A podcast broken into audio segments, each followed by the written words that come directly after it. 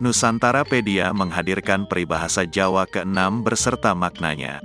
Peribahasa Jawa biasa digunakan oleh orang tua dalam menasihati anak-anaknya, juga dalam memberi sindiran ataupun teguran kepada seseorang.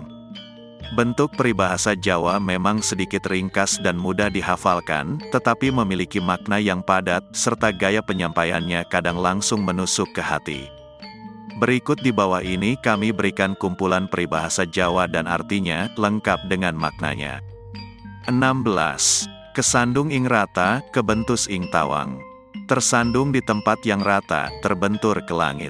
Artinya, suatu kejadian yang jarang atau mustahil terjadi.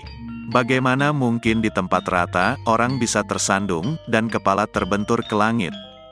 Jika itu terjadi dikarenakan kurang hati-hati dan ceroboh.